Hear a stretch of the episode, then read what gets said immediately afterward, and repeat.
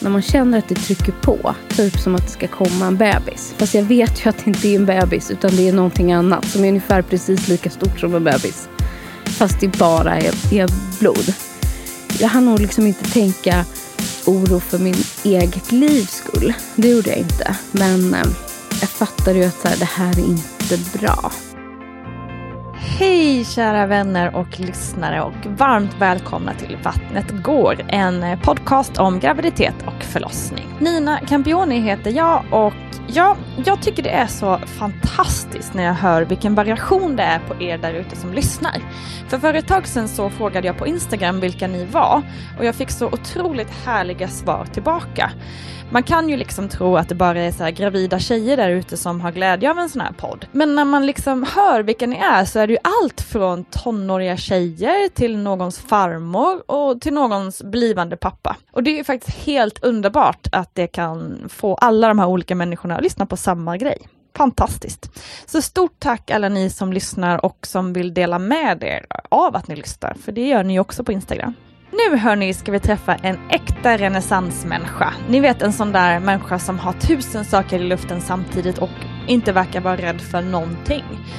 Och en sån är Frida Farman. Frida är bloggare, hon är tv-chef på Metro, hon är inredningsprofil och mycket mer. Dessutom så är hon ju mamma till Nils och till lilla nyfödda Line. Den här intervjun är uppdelad i två delar. Den första spelade vi in i höstas när Frida var väldigt gravid minst sagt. Och den andra delen spelade vi in när Line var ungefär två månader. Frida har en helt otrolig historia och jag blir alldeles matt av beundran över att en människa kan klara så mycket som Frida har gjort och ändå ha ork och energi till mer. Ni får lyssna så förstår ni vad jag menar. Med oss som vanligt är den fantastiska Gudrun Abascal, barnmorska och grundare av BB Sofia. Men nu Frida Farman. Hey, it's Sharon, and here's where it gets interesting. Raise your hand if you want salon perfect nails for just $2 a manicure. Yeah, me too. With the Olive June Manny system, you can say goodbye to expensive services that take hours and hours and love your nails more than ever. I would know I've been doing it for years. Get 20% off your first Manny system with code PERFECTManny20 at oliveandjune.com slash PERFECTManny20. That's PERFECTManny20 at oliveandjune.com slash PERFECTManny20. Cool fact a crocodile can't stick out its tongue. Also, you can get health insurance for a month or just under a year in some states. United Healthcare short term insurance plans, underwritten by Golden Rule Insurance Company, offer flexible, budget friendly coverage for you. Learn more at uh1.com. Hiring for your small business? If you're not looking for professionals on LinkedIn, you're looking in the wrong place. That's like looking for your car keys in a fish tank. LinkedIn helps you hire professionals you can't find anywhere else, even those who aren't actively searching for a new job but might be open to the perfect role. In a given month, over 70% of LinkedIn users don't even visit other leading job sites. So start looking in the right place. With LinkedIn, you can hire professionals like a professional. Post your free job on linkedin.com slash spoken today. Hey, I'm Ryan Reynolds. Recently, I asked Mint Mobile's legal team if big wireless companies are allowed to raise prices due to inflation. They said yes. And then when I asked if raising prices technically violates those onerous two-year contracts, they said, what the f*** are you talking about, you insane Hollywood ass?" So to recap, we're cutting the price of Mint Unlimited from $30 a month to just $15 a month. Give it a try at mintmobile.com slash switch. $45 upfront for three months plus taxes and fees. Promo rate for new customers for limited time. Unlimited more than 40 gigabytes per month. Slows. Full terms at mintmobile.com.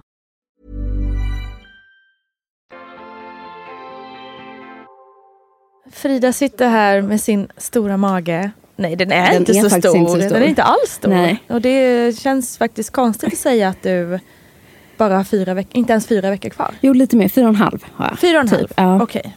Men man vet ju inte. Jag sa just det att om det blir en vecka tidigt som med Nils, då är det bara tre och en halv. Och det hann du inte med, eller vad sa du? Nej, verkligen inte. Jag har massa grejer som jag måste hinna bocka av. ja. Fast mer i den sociala biten. ja, men oftast är det så. Ja, som jag vill hylla Men med. hur mår du nu då? När du är, som vi har konstaterat, höggravid. Nej men bra. Alltså förhållandevis väldigt bra. Alltså jag är ju inte någon gnällis. Jag är en rätt positiv person.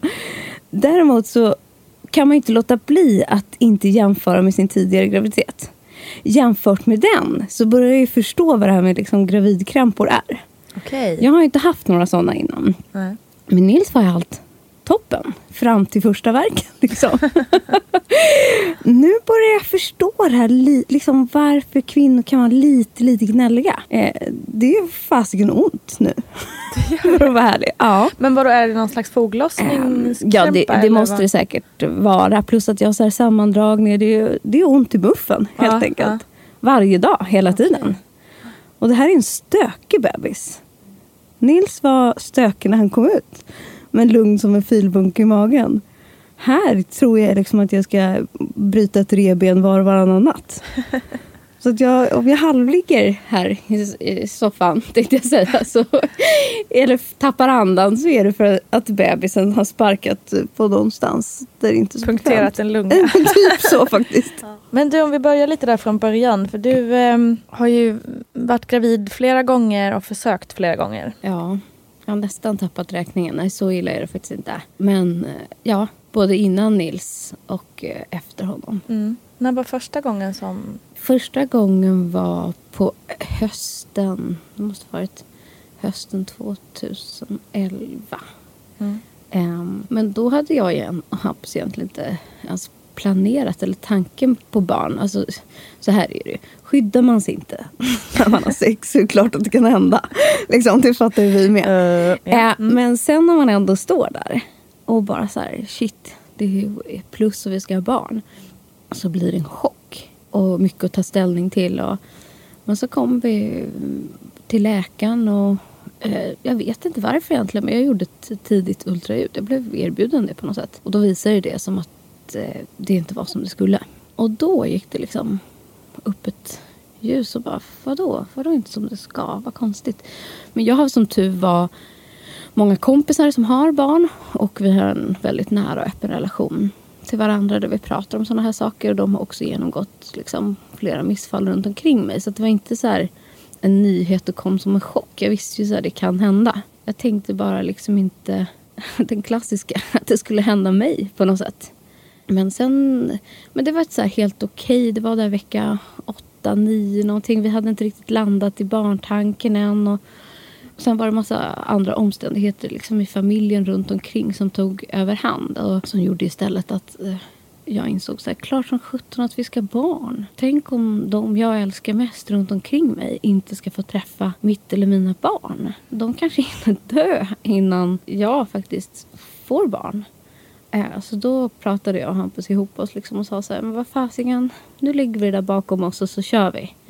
Nu är det jäklar klart att vi ska ha barn med varandra.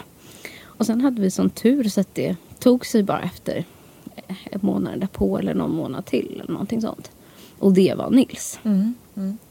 Och det gick liksom jättebra. Jag hade en jättebra graviditet och allting. Sen tänkte jag nog inte så mycket För, mer förlåt, på det. men första Ja. där, gjorde ni abort då när ni sa att det inte stod rätt till? Eller, hur, eller blev det Ja, naturligt eller- missfall? Eller? Nej, alltså usch, jag tycker det låter så hemskt att säga att man gör en abort. För för mig är liksom abort när man in, inte tvingas till det själv. Liksom. Men, eh, men så är det. Inget av mina missfall har skett eh, spontant Nej. av sig självt. Nej. Utan alla av dem har faktiskt upptäckts på ultraljud. Så att jag är inte så fan av att gå på ultraljud. Ja, det förstår jag verkligen. Utan jag har liksom varje gång fått eh, tvinga fram det. Antingen liksom med tabletter, jag har också blivit skrapad och jag har också fått föda. Så det varit, jag har gått igenom alla varianter, Mm. tänkte jag säga. Men den första, alltså om man ska sätta dem i skala till varandra, så var nog den första gången innan Nils den lättaste gången. Både rent fysiskt, för att min kropp återhämtade sig så snabbt efteråt och det funkade så snabbt att få Nilsen. Men också mentalt, för att jag eh, jag var inte riktigt förberedd och jag visste inte vad det skulle innebära att eh, ha barn. Eh, de som har följt efter Nils har ju liksom varit en sorg på ett annat sätt. Då vet man på ett annat sätt vad det är man... Ja, vad man Inte- går miste om mm. liksom, på något sätt. Första gången tänkte jag nog en gång, ingen gång. Och hade inte den där liksom längtan i kroppen. Visste ni direkt efter Nils att du ville ha mer barn direkt? Eller hur? Eh, nej, eller så här. Jag har alltid tänkt att jag vill ha flera barn, eller många barn. Framförallt Hampus tror jag. Mm. Jag tänkte nog också även en tid i mitt liv att jag inte var säker på om jag ville ha barn. Efter Nils så vi pratade aldrig om så här, åh vi vill skaffa ett syskon snabbt eller eh, vi vill ha så här eller så här. Eh, och jag tror att det handlar jättemycket om vad man har för familjesituation och vad man har för vad man får för typ av barn. Liksom. Och Nils har ju varit liksom action sen dag tre skulle jag säga. Vi har haft fullt upp. Och det tar sin energi liksom. Det vet nog alla föräldrar oavsett om man har en liten flicka eller en pojke hemma. Men vissa barn är nog mer aktiva än andra och vi har absolut haft det lite krisigt hemma på sov och energifronten. Även om det har varit mycket glada stunder så har energinivån liksom varit hög. Vi var, liksom inte redo att egentligen kliva på det. Vi har inte överhuvudtaget landat i vår relation igen heller. Utan mycket handlar om såklart att hitta balansen med Nils men också mellan mig och Hampus. Och få ett liksom fungerande familjeliv. Ehm, och anpassa sig till den här nya situationen som jag tyckte då inte alls var så annorlunda eller konstig. Men nu i efterhand har jag insett att det kanske visst det var så. Ja, och sen missfall förstår man ju är vanligare än man tror när man väl ställer frågan om någon har varit med om någonting. Så är det ju allt fler än man tror som, som har gått igenom det. Ehm, varför tror du att det är så eh, dolt, eller vad man ska kalla det för? Och hur ska vi, hur ska vi bli bättre på att prata om det? Ja, om vi börjar med det här hur vanligt det är så har ju faktiskt missfall blivit vanligare idag än vad det var förr i tiden. Och varför är det så?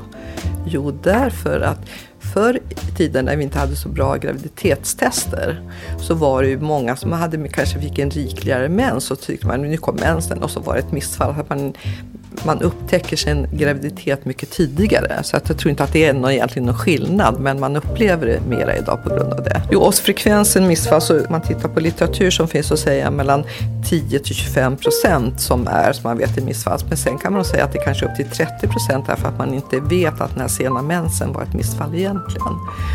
Och varför man inte pratar om det här, det diskuteras ju också mycket, men det kan väl vara allt ifrån att man ser det som ett misslyckande själv som kvinna, att man är så ledsen så att man inte orkar prata om det och beroende på vad man har för social nätverk tror jag har väldigt stor betydelse.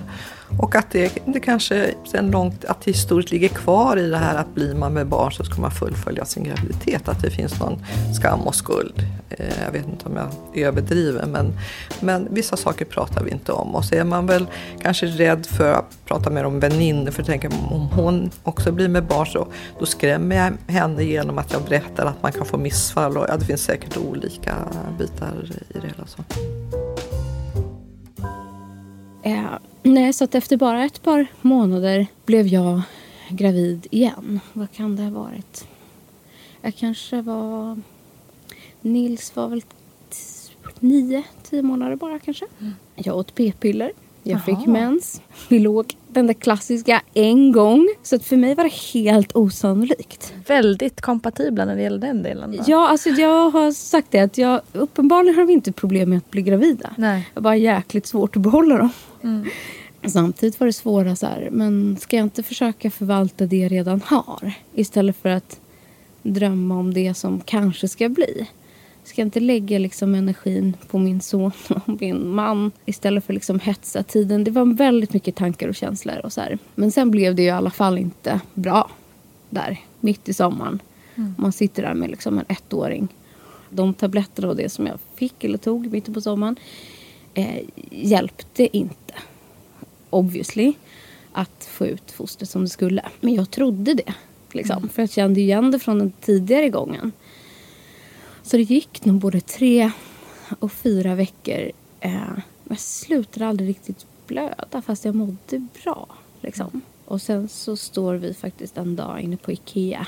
Det här måste varit i augusti, början på augusti. Ja men typ runt Nils. Men det måste ha varit Nils ettårsdag. Um, och, um, och jag ser, och jag har en kjol på mig. Jag ser hur det så här bara rinner blod längs mitt ben. Och jag bara shit, Hampus bara vad är det? Jag bara det här det är, det är ju något som kommer ut. Liksom, det känns som att jag ska föda barn. På riktigt. Han bara, nej men säg inte så. Jag bara, du titta på mitt ben. Och då bara blir det liksom bara en blodfläck nere vid mina skor. Och jag säger så här, du måste hitta vad närmsta toalett är. Men ni vet ju hur det är på Ikea. Det är inte närmsta vägen. Och jag känner så här, jag kan inte gå. Jag kan inte gå någon, någonstans. Så att jag tar Nils blöja, liksom en av blöjorna som ligger i vagnen och bara trycker upp under kjolen Mm. och försöker gå in på närmsta toalett. Och sen... eh, Jag kommer knappt ihåg hur vi kom ut därifrån. Jag försöker bara så göra rent, gå ut, sätta mig i bilen. Vi har några våtservetter och blöjor och lite annat så här nyföddstrasor som ligger i vagnen. Det är bara att ta det som finns. Köra därifrån, men jag hinner liksom inte, vi hinner inte ens komma halvvägs innan vi får så stanna i vägkanten och jag får bara gå ut och det bara kommer hur mycket som helst ur mig. Vi står vid vägkanten, det är helt fruktansvärt. Jag bara, jag vill inte ens veta vem som hittar det där efter, efter oss. Liksom. Och sen sätta sig i bilen och köra vidare rakt till gynakuten. Och där släpper liksom Hampus av mig och, och jag kommer in. Och eh, det är bara så mycket blod. Liksom. Samtidigt sitter man där. Liksom, Hampus har Nils och de får åka hem. Och de kan inte sitta där. Och den första läkaren som kommer tror jag blir lite skärrad faktiskt. Just för att det är så himla mycket blod. Så han hämtar en annan läkare. Men under tiden hinner jag liksom svimma. Och sen så, så hinner de i princip bara säga till mig du måste akut upp på operation. Ehm, vi måste söva dig nu. Och jag hann inte ens ringa och säga till Hampus att, Nej. att de sövde mig. Att de tog mig till operation. Jag hann inte prata med någon eller säga något till dem. Jag vaknar bara sen klockan sex på kvällen ute i någon korridor någonstans på Danderyds sjukhus. Och stannar någon sköterska och, vet faktiskt inte vad det är. Och bara, var är jag? Vad har de gjort? Vad har de liksom... Jag hade ingen koll. Jag vet bara att jag liksom hade min telefon nära och ringde Hampus. Och det var han som ställde frågorna i liksom öron på mig. Bara, vad har du gjort? Vad är? Vad har hänt? Och jag kunde inte svara. Jag kunde inte svara på de frågorna. Men sen förstod jag ju liksom att de hade ja, sövt mig och fått skrapa mig. Och jag hade haft jätte, jättemycket liksom, koagulerat blod kvar i, i magen. Hur rädd hinner man bli när det går så snabbt också? Då inte så jätte.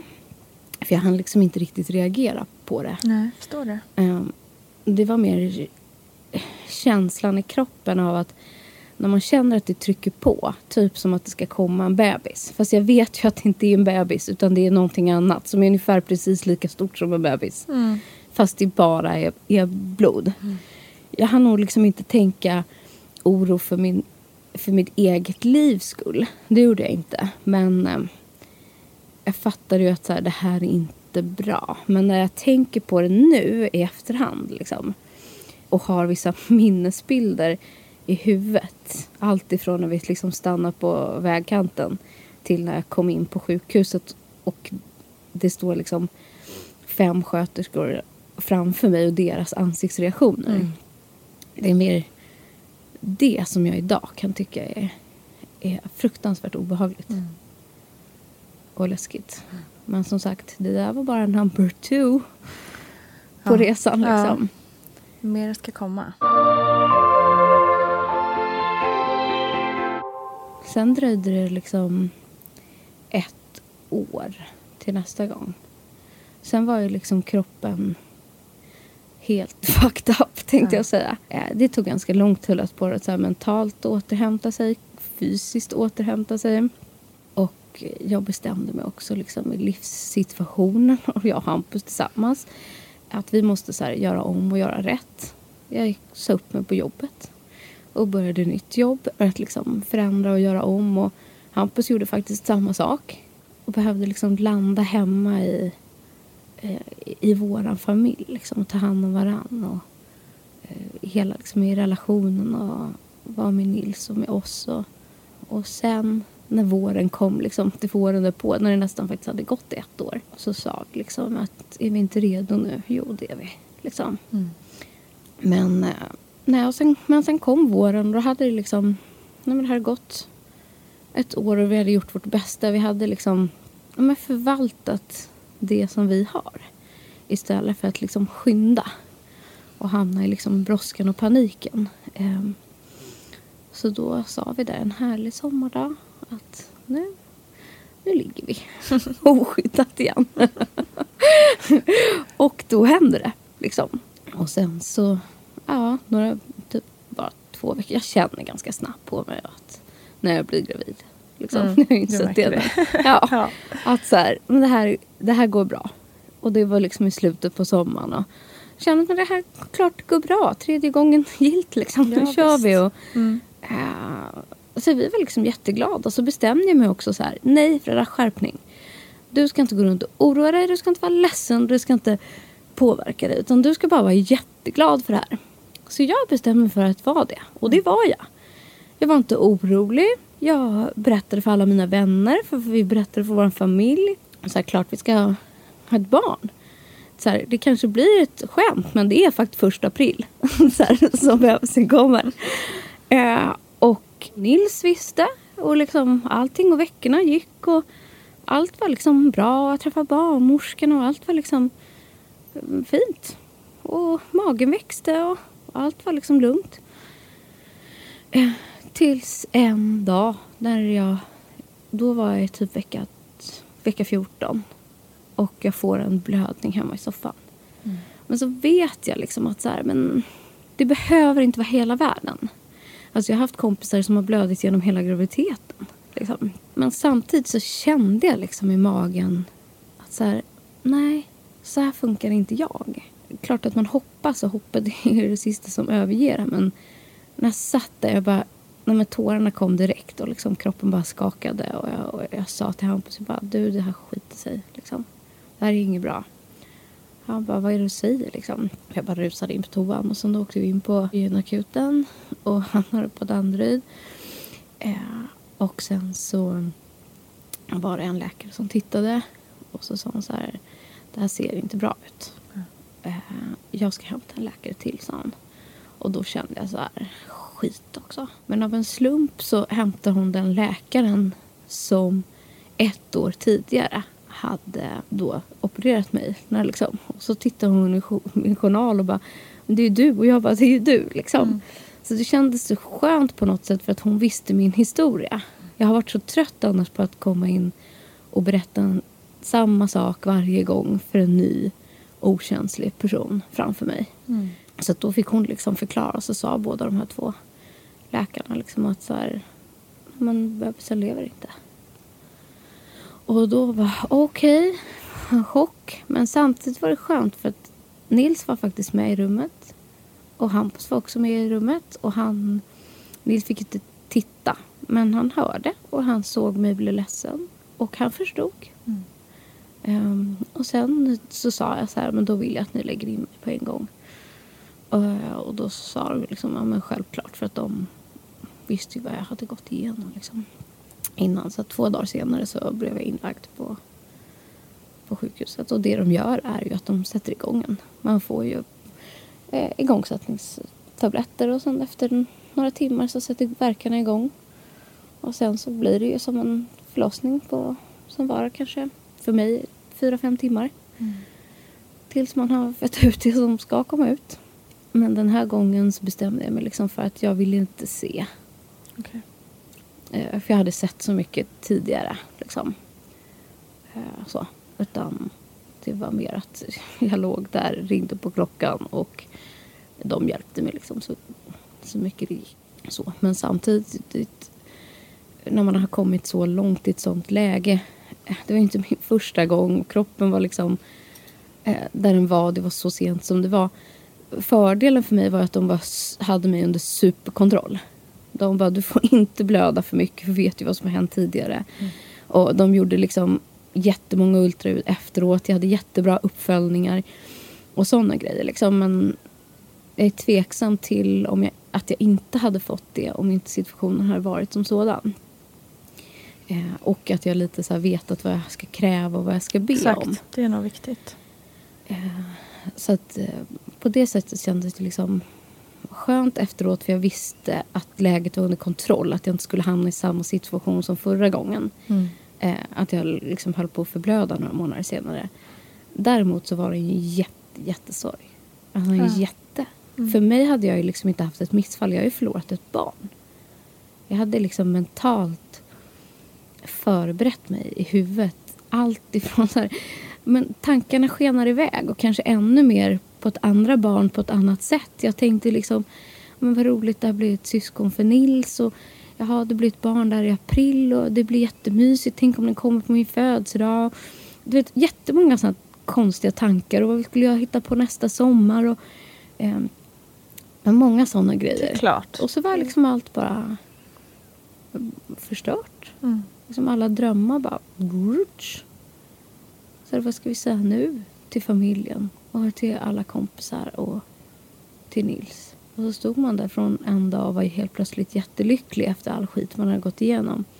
Och så var man bara tillbaka på ruta ett. Och då är det svårt att hitta motivationen och energin både fysiskt hos sig själv men också i relationen. Att så här, nej då, nu ska vi bara hem och göra om och göra rätt igen.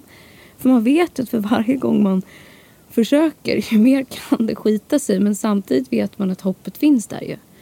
Att så här, det kan ju bli bra också. Så att eh, det var svårt. Och sen liksom det som blev så hemskt någonstans i alltihopa var liksom att jag några veckor senare, eller det blev ju några månader, men liksom hösten gick och eh, vi hade gått igenom där, men vi bestämde ändå så men klart vi ska fortsätta och så blev det julaftonsmorgon och sen kände jag så här klart som sjutton att jag är gravid. Mm. Jag kunde inte somna om klockan var fem på morgonen. Jag bestämt mig så jag ska hålla mig till julafton innan jag testar. Så jag smög ner för trappan eh, och vi var i fjällstugan och så kissade jag på toaletten och så plussade jag på stickan och kände så här shit, nu vänder det. Och två dagar tidigare så hade då min bästa kompis pappa gått bort. Mm. Så jag kände liksom att det där var the end liksom, på jävla 2014. Skitåret. Mm. Liksom. Jag kände så här, fan nu blir det bra. Det är julafton idag. Det är klart vi ska ha ett barn nästa år. Och det här ska bli bra liksom. Och sen pratade jag med liksom, min bästis lite senare och så berättade jag för henne och så sa jag så här, allt har mening. Liksom, jag tror att när ett liv slocknar så föds ett annat. Ja, det här kanske är det. Liksom. Och hon blev såklart jätteglad för min skull. Och man har försökt liksom trösta varandra i varandras sorger. Men vi stod där liksom på nyårsafton och kände så här, men nu, nu blir det bra det här. Mm. Liksom. Eh, men det gick några veckor. Och sen några veckor senare så sitter jag på begravningen och eh, får missfall. Och det är liksom igen. Mm. Inom loppet av, ja, vad blir det liksom, ett år till. Mm. Eh, och då kände jag så här, nej. Förra året det slutade ju så jävla dåligt. Ska året börja Exakt. så här mm. jävla dåligt också? Hur mycket ska man behöva ta liksom? Ja, och så fel situation, fel plats, fel tid. Samtidigt kunde jag liksom inte, hur säger man till sin bästa kompis att nu förlorar jag det här barnet igen. Mm. Men du, din sorg här nu är viktigare än min. Liksom. Ska jag bara liksom lägga locket på och eh, känna, liksom, för det går ju inte att jämföra. Men så, nej, våren var skit. Det var inte alls kul på något sätt. Eh, igen. Eh, men sen så, så vände det väl. Alltså, som tur var så här, solen börjar skina, det börjar bli lite vår, vissa saker har lagt sig. Saker och ting börjar liksom lösa sig, allt ifrån i bekantskapskretsen till en själv. Och det blir min födelsedag. Och det är den 28 mars. Och jag ska flyga till Frankrike. Och så tänker jag så här, nej men jag vet ju att jag är gravid igen. eh, men ska jag testa, ska jag ändå åka till mamma och pappa. De kommer ju tycka det är skitkonstigt om jag inte tar ett glas rosé om några timmar. Mm. Men jag känner ju det här på mig. Jag kanske ska säga något till Hampus innan jag åker. Så jag går in på morgonen på min födelsedag. Kissar plussar på stickan och säger till Hampus att jag har fått den bästa födelsedagspresenten man kan önska sig. Och nu ligger den i min mage. Ja. Mm. Gud, jag börjar gråta. det är så fantastiskt. Mm, Efter haft, allt ja, alltså jag har haft några sådana här milstolpar från julaftnar till Ja, det här är min bästa födelsedagspresent. Mm. Och det som är konstigast av allt det är att datumet när den ska titta ut det är på Hampus födelsedag. så det kanske verkligen blir en, en present. Och så blir det så konstigt liksom, för nu, nu är det ju faktiskt bara några veckor kvar. Och nu hoppas jag och tror och vill och vet det klart. Alltså, man har ju blivit lite knäpp på vägen att det inte ska gå, men det är klart det ska gå. Men det känns samtidigt liksom att fantastiskt att man sitter här ett år senare och all skit man har gått igenom. Att, eh, jag vet ju att på julafton i år kommer vi sitta där med liksom två barn och en liten bebis. Och ser man också till liksom hur det har gått för alla mina vänner och min bästa vän så har saker och ting blivit väldigt bra. Det blir det att det är sjukt jobbigt för stunden men det blir oftast väldigt bra i längden. Och att en sorg eh, är inget som försvinner eller går över. Man bara lär sig att hantera den. Vad skulle du vilja säga då till dem som, som kanske har varit med om samma sak som du? Och hur, hur går man vidare? Liksom? Ehm, nej, men jag tror prata om det.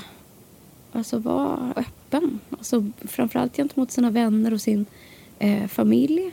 Liksom förklara sin situation. För att jag, jag förstår ju att det är jobbigt men det här med att dölja att man försöker få barn. När man lever kanske i en lång relation med en stadig partner och har trillat över 30-strecket så tror jag ändå att det är många som drömmer om barn då. Att hymla inte med det. Liksom, utan säg klart vi vill få barn. Vi försöker få barn och just nu är det inte så lätt. Eller så lovar jag att det är fler som kommer börja prata. Eh, och börja liksom eh, reflektera och berätta om sina situationer om man nu vill det. Och jag tror att det är väldigt kvinnligt att man söker stöd hos andra. Någonstans är det att hur stöttande och bra partner man än kan ha i det här så kommer de aldrig riktigt förstå. För det här är liksom inte bara den emotionella biten utan det är också den hormonella och fysiska biten. Som man bara kan hitta kanske hos andra kvinnor. Så att jag tror att även om man har en jättebra och tajt eh, liksom, relation hemma så behöver man nog kanske få ventilera eh, med andra. Allt ifrån liksom anonymt i forum liksom, på nätet. Men också i sina kompisar. För det är inget som är konstigt. Och det här med att skaffa barn önskar att det vore en självklarhet. Men det är det inte. Och det eh, skulle jag vilja att eh, många liksom tog med sig. Men sen också att utgå från sig själv. Det är lätt att säga men vissa har ju jättelätt att komma tillbaka efter ett visst fall. Andra har inte det. Och just under en graviditet, det är så lätt att jämföra sig med andra hela tiden.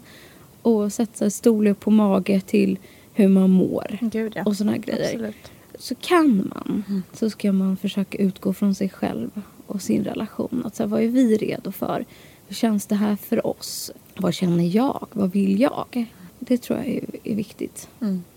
Men också mm, kanske inför sina vänner att eh, eh, stäng inte inne alla tankar och känslor utan berätta och säg så här, nu vill jag vara hemma, jag vill faktiskt inte följa med på det här för jag är så här ledsen.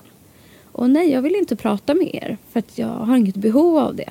Men ni ska veta att situationen är sån här. För som sagt, vissa har ett behov av att vara hemma och stänga inne saker. Andra pratar öppet och gråter på tjejträffen.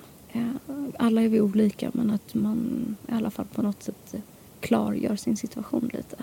Så att, men, men någonstans vill jag också säga att hur pissigt det än känns så vill jag ju liksom ge hopp till folk. Att här har man liksom hållit på ett par år och harvat och eh, liksom, det har skitit sig åt alla håll. Och liksom allt som vi har gått igenom. Men nu sitter jag ändå här liksom, med kaffekoppen på kulan. Och jag känner hur det liksom rör sig. Och visst sjutton ska det här gå bra. Och det, det kan ju lösa sig. Jag vill ju tro och önska att de som vill få barn ska kunna få det i slutändan. Även om det tar olika lång tid på vägen och kan vara otroligt smärtsamt. När det gäller missfall då, om man har gått så långt att man tvingas eh, föda ut barnet, får man någon speciell eh, behandling rent eh, som familj när man kommer in för en sån grej? Ja, Just de här, det är klart att ju senare i graviditeten det här sker, desto mer tydligt blir det med att få hjälp. Och då finns det kuratorer och psykologer och barnmorskor att prata med. Men även vid tidigare missfall, om det var ett missfall i, i vecka sex så kan ju man ju säkert sörja minst lika mycket som en kvinna som får ett missfall vecka 16. Jag tror inte det går inte att gradera efter graviditetslängden där beroende på hur det är. Men det finns hjälp att få alltifrån kuratorer, psykologer och barnmorskor och så vidare. Så. Men initiativet får man nog ta själv att jag vill ha hjälp. Eh, Eh, skulle jag nog vilja uppmana alla till att be om hjälp. Men om vi då går över lite till själva förlossningsdelen. Ja. Du har ju gått igenom en förlossning med Nils. Ja. Hur förbereder du dig nu när du har cirka Nej, fyra och en halv vecka kvar? Jag är i denial. Ja. liksom med det mesta tänkte jag säga. Det är konstigt det där för samtidigt har jag ju längtat så otroligt mycket efter det här. Jag har liksom drömt och fantiserat och längtat och saknat och nu är det ju här. Och nu trycker jag bara bort det. Allt ifrån att så här, vi inte vet vem som ska titta ut, vi har inte en vagn, vi har inte ett namn, vi har inte en säng, vi har inte... Liksom, köpt några babykläder. Eh, that's it. Tror du att det kanske också har lite med att göra att du har eh, haft så många gånger Ja, där du kanske. drömt om det så nu vill man kanske inte, eller vågar man kanske ändå inte hoppas även fast du Så- clearly ja. är på Men gång så här nu. var det nog jättemycket i början. Att så här, jag gick ju länge, länge, länge, länge och tänkte att det skulle kanske skita sig, Ja. vilket är urdumt. Ja fast väldigt förståeligt Ja, naturligtvis. tänker men, så. och- men nu är det mer så här äh, att man hamnat lite i det här kanske tvåbarnslunken. Jag vet lite, kanske tror i alla fall, vad som väntar mig. Mm. Det känns ganska tryggt och bekvämt och jag känner att nej men, vi köper några bodys och så tar Ja. vi med dem till BB. Jaha, och namnet, ja, ja men vi känner på det när vem det nu är som kommer ut. Ja, och när vi kommer hem, äh, blöjor det får vi väl springa och ner och köpa på affären. Och, ja, det som inte finns det hittar vi i Nils lådor och lite sådär. Jag Och, tycker det låter skitbra. Och så här, Det låter ju härligt att vara så. Lite Ja men jag tror det. Och så tänker jag så här, men så blir det lite jul och det är mysigt och vi kommer kunna vara hemma och vi är familj och alla hjälps åt och så tar vi det lite på uppstuds. För ingenting blir ändå som man har tänkt sig. Men det blir oftast väldigt bra ändå. Mm. Ehm, så att jag, inför förlossningen så har jag nog ehm, tänkt att det löser sig. Utskarande. Men däremot så var jag hos barnmorskan igår. Och jag känner ju att det är en livlig rackare. Det är det ju. Den vänder ju på sig var tionde minut och tittar åt alla håll. Mycket riktigt. Hon bara, jag kan faktiskt inte känna hur bebisen ligger. Och det är läge för den att liksom tippa upp och ner nu. Just det. Så att jag ska tillbaka här om någon vecka. Och då så sa hon ju att men då får vi ta ställning. Än så länge är det lugnt. Men jag tror just nu att rumpan är rakt ner och den sitter, tittar rakt fram. Och sen whoops, i sekunden senare så vänder den på sig och sprattlar åt alla håll. Så att jag har absolut inte en fixerad bebis. Den ligger definitivt inte med huvudet neråt. Och då kände jag så här, nej men gud. Tänk om den hamnar i sätet nu då? Ja. Tänk om jag ska ha ett planerat kejsarsnitt? Den tanken hade liksom inte riktigt slagit mig.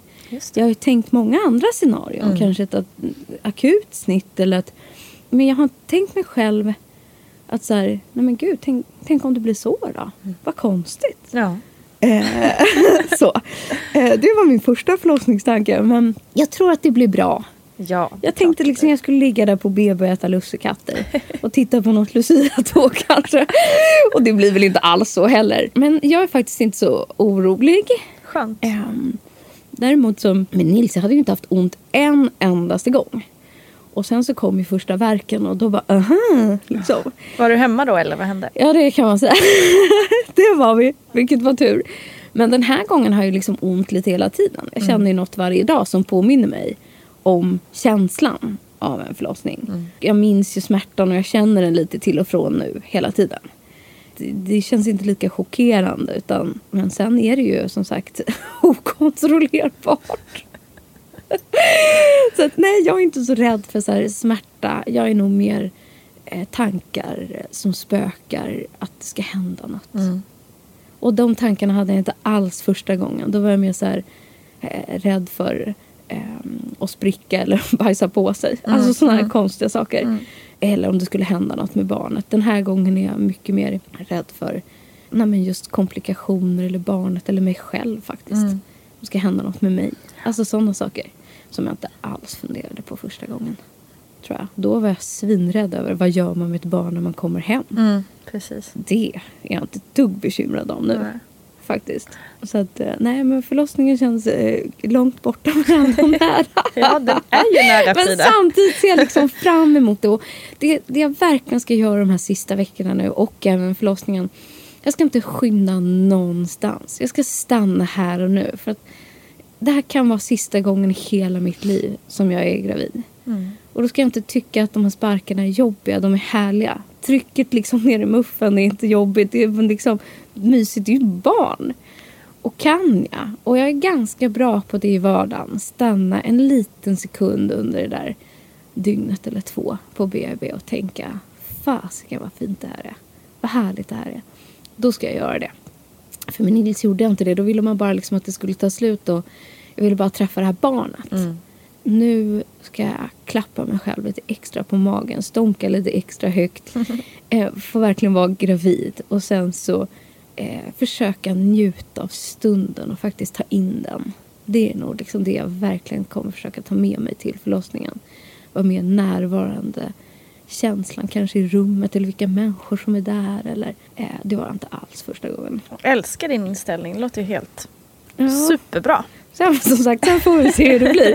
Men, Men det är mitt öns liksom Ja. min önskan. Men man ska ha en målbild, det tycker Ja. jag. Men hur var det då? Ska vi köra Nils här? Du, Shoot! ja. Verk nummer ett. Vad hände? Vad, vad var ni och liksom, hur kändes det? Nej men det var en onsdag. Jag åt eh, en chokladkaka tidigare på dagen med min bästa tjejkompis. Och hon sa, nu händer det något snart va? Sa, nej, här kommer inte hända något på jäkligt länge. Var det här, har du gått över tiden då? Nej, eller det här var det- en vecka innan. Ja. Och eh, jag skulle ju till och med på kräftskiva på lördagen. På den årliga släktkräftskivan. Så jag hade inte en tanke på att man kunde föda tidigare. Och sen hade liksom alla mina tjejkompisar gjort det. Fött allt ifrån fem veckor till för tidigt. Så sa jag så här, men ja, jag kommer ju liksom bryta mönstret. Det kommer ju säkert ploppa ut en kille, alla andra flickor och jag kommer föd- gå över två veckor i tiden. Så att jag var inte ett dugg orolig. Så jag satt där och skröt med chokladkaka. Tänkte säga att här händer ingenting. Gick hem, mötte pappa som kom med den sista lilla detaljen som skulle falla på plats. Och det var bebissängen. Det var liksom presenten från mamma och pappa. De hade gjort i ordning min gamla barnsäng. Och pappa bar upp den och ställde den i sovrummet. De hade bäddat så fint. Och liksom han hade målat den och lagt små gosedjur i. Och så den eftermiddagen så stod jag liksom och betraktade. Den sista grejen som vi inte den gången liksom hade förberett. Nu finns ingenting. Eh, och då tror jag kanske hela kroppen bara så här, men nu, nu är jag färdig. På kvällen var det OS. Sportfånen som man är, helt eh, galen, insatt i allt, titta varenda match, kolla på allt. Så var det såklart eh, handbollsfinal. Eh, tittade, hejade, hoppade, skrek av vardagsrummet liksom som jag gör. Eh, oavsett om det är fotbolls-VM eller Vinterstudion. Så det gjordes det. Och Hampus stod och lagade mat. Och sen bara sa det splash. Alltså, alltså på riktigt som på film. Så, nej, gud, Jo. det är det första jag hört som var... Ja. Vad häftigt. Och jag hade kjol. Kjol. Eh, och allt var så stängt i hela köket. Tänkte jag säga. Men det var verkligen en stor, jättestor vattenpöl över hela golvet. Och jag bara, vad händer nu? Hampus bara, ingen aning. och båda bara, nej men det, det vattnet är gott, vattnet är gott. Och jag kommer ihåg att jag tittade på mina händer. Och de skakade så Ja. mycket. För att då fattade jag så här, shit, jag ska föda barn. Nu, det är nu det händer. Exakt. Alltså inte sen, det är nu. Ehm, och Hampus går och hämtar en städmopp. Han bara, är det lugnt eller? Jag bara, "Ja, jag ska bara se klart på matchen. Varför tänkte jag så? Jag hade liksom inte en tanke på att jag skulle göra något annat. För mig var det självklart. Så han ställde sig, han svabbade lite golv. Och jag ställde mig och tittade klart. Skrek färdigt framför handbollen. Ja, men så, exakt. Tittade färdigt på handbollsmatchen. Hade inte en verk, hade inte ont. Det bara fortsatte ju att forsa vatten. Ja.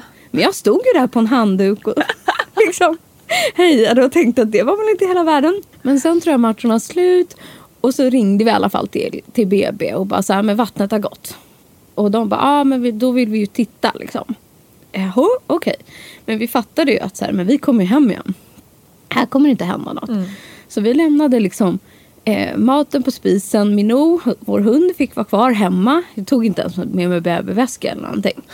Ja, iskallt. Ja, jätteknasigt eh, egentligen. Men så vi åkte in och så mätte de liksom, lite på magen och grejer och sa det här är bra. Jo, vattnet har absolut gått. Mm. Men det fylls ju på och fortsätter. Och så här, och det här var onsdag. Så sa de så här, men har det inte hänt något innan fredag? Eh, så får ni igångsättningstid vid tio. Och sen så kommer jag ihåg att det var en barnmorska som sa, hon, så här, hon blinkade till mig och sa så här, men jag tror att vi ses innan dess. Sa hon. Och nu i efterhand så vet jag att klart som sjutton att hon såg verka på den här monitorn. det var bara jag som inte visste det. Så åkte vi hem, käkade den där sista, sista pastan, eh, gjorde oss i ordning och sen kom verkarna. Liksom, bara på kvällen, där vi typ vid elva tiden så fort vi äntligen kom hem. Och från min första verk till min sista så var det liksom, hade jag ja, verkar varannan minut. Okej. Så jag hade liksom aldrig, jag hade inte en enda paus på de här Nej. timmarna. Och redan för, liksom, Från min de första. Okej. Och jag har ju liksom hört innan så här, men om man har, vad ska man ha? Ja, tre på- Ja, det? Tio på, minuter? På tio minuter Ja. Mm. och sen, jag bara vänta. Alltså nu har jag, jag har varannan minut. Ja. Och då ringde vi in liksom. Och då sa hon så här, men hur långa är de? Ja, men de är typ, de varade ju 30 sekunder. Hon bara, jag vill helst att det ska upp till 45 sekunder ungefär på varje verk. Okej, jag bara, det är nog ganska nära nu. Men det här är ändå hanterbart. Så sa de liksom, men vi förbereder för dig, men ta en dusch. För ibland kan det hända att verkarna stannar av när man duschar. Eller att det är jätteaktivt i början och sen stannar det. Så jag tog en dusch. Och som tur var kunde jag sitta på bar, liksom badkarskanten för att vi har badkar bredvid duschen. För att jag kunde inte stå i Nej, jag duschen längre. säga, jag måste fruktansvärt stå. Jättekonstigt blev det. Och då insåg jag så här, nej men gud, jag kan ju inte stå eh, längre eh, upp. Utan jag måste ju sitta ner. Eh, det har inte stannat av. Eh, och så ringde vi och de bara, men det är klart ni ska komma in. Eh, så då gjorde vi det. Och då ringde vi eh, och fixade med hundvakt. Tog med oss väskan. Eh, la undan, liksom, eh, diskade undan pastan. Men det är ändå ganska roligt att det senaste som står i en uppslagen dator när vi kommer hem några dygn senare på Google är vad gör man när vattnet har gått? Frågetecken. Så liksom, ja, vad gör man? Ja. Det är typ det enda man kan förbereda sig i nio månader är liksom om vattnet går. Nej, det har vi googlat. Sista Ehm. minuten. När det kommer. Exakt så. Eh, nej, så då åkte vi in och sen satte det igång. One size fits all seems like a good idea for clothes until you try them on. Same goes for healthcare. That's why United Healthcare offers flexible, budget friendly coverage for medical, vision, dental, and more. Learn more at uh1.com. Hey, I'm Ryan Reynolds. At Mint Mobile, we like to do the opposite of what Big Wireless does. They charge you a lot, we charge you a little. So naturally, when they announced they'd be raising their prices due to inflation, we decided to deflate our prices due to not hating you. That's right. We're cutting the price of Mint Unlimited from $30 a month to just $15 a month. Give it a try at mintmobile.com slash switch. $45 upfront for three months plus taxes and fees. Promo rate for new customers for limited time. Unlimited more than 40 gigabytes per month. Slows. Full terms at mintmobile.com. Ready to start talking to your kids about financial literacy?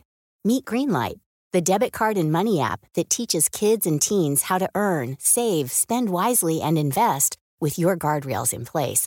Parents can send instant money transfers, automate allowance, and more. Plus, keep an eye on spending with real time notifications. Join more than 6 million parents and kids building healthy financial habits together on Greenlight.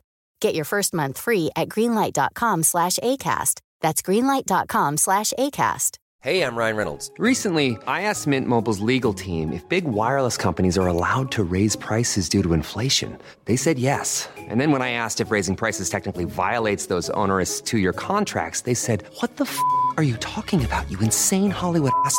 F- So to recap, we're cutting the price of Mint Unlimited from $30 a month to just $15 a month. Give it a try at mintmobile.com slash switch. $45 upfront for three months plus taxes and fees. Promo rate for new customers for limited time. Unlimited more than 40 gigabytes per month. Slows. Full terms at mintmobile.com.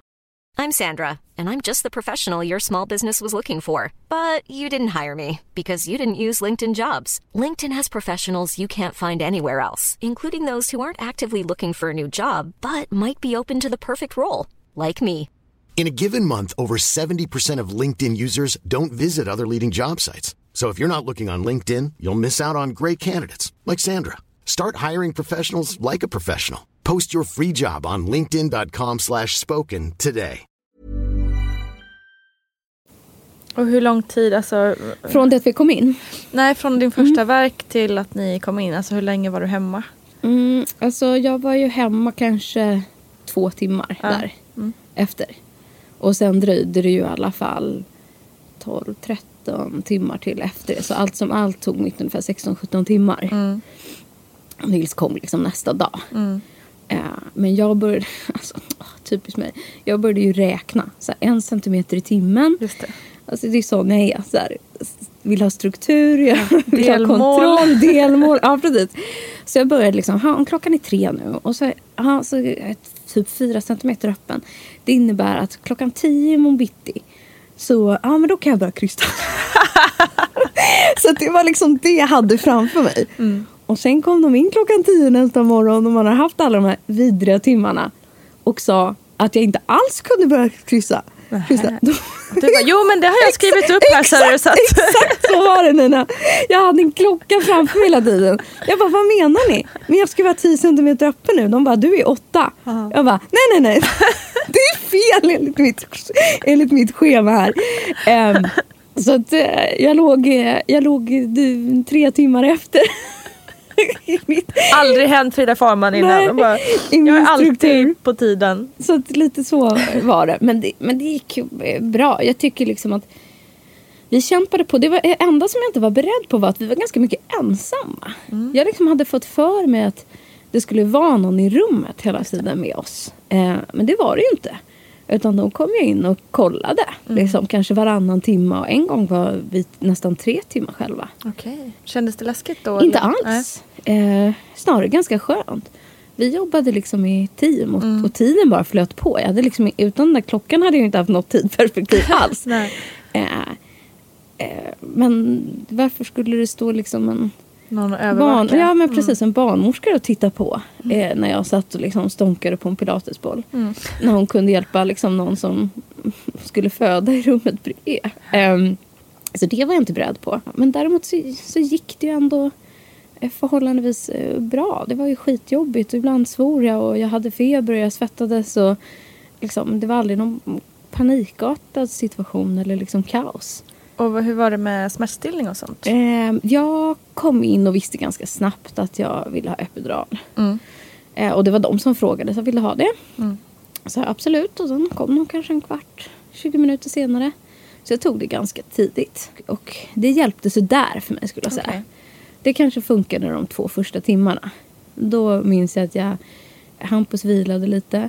Jag låg och drack nyponsoppa och smsade mitt i natten, klockan är typ fem, till mina två bästa vänner och skrev så här. Det här är en baggis. Jag, jag har blivit lurad i hela mitt liv. Om, jag, om det inte blir mer än så här, då kan jag föda alla andras barn i resten av mitt liv. Jag kan säga att sen kom det inga fler sms från mig. Så här, jag skrev ju så här, här ligger jag och dricker nyponsoppa. Selfie! typ, det här är en baggis. Och jag kände mig så lurad. Eh, men sen hjälpte inte det där så mycket mer. Och sen började liksom trycksmärtan ta över. Och ja, som sagt, det blev inga fler kaxiga sms. Förrän, här är han.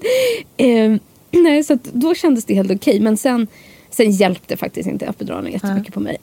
Efter det, inte på det sättet. Eh, Vissa blir lite mer så här avdomnade i benen, inte känner. eller- Men det hände liksom inte mig.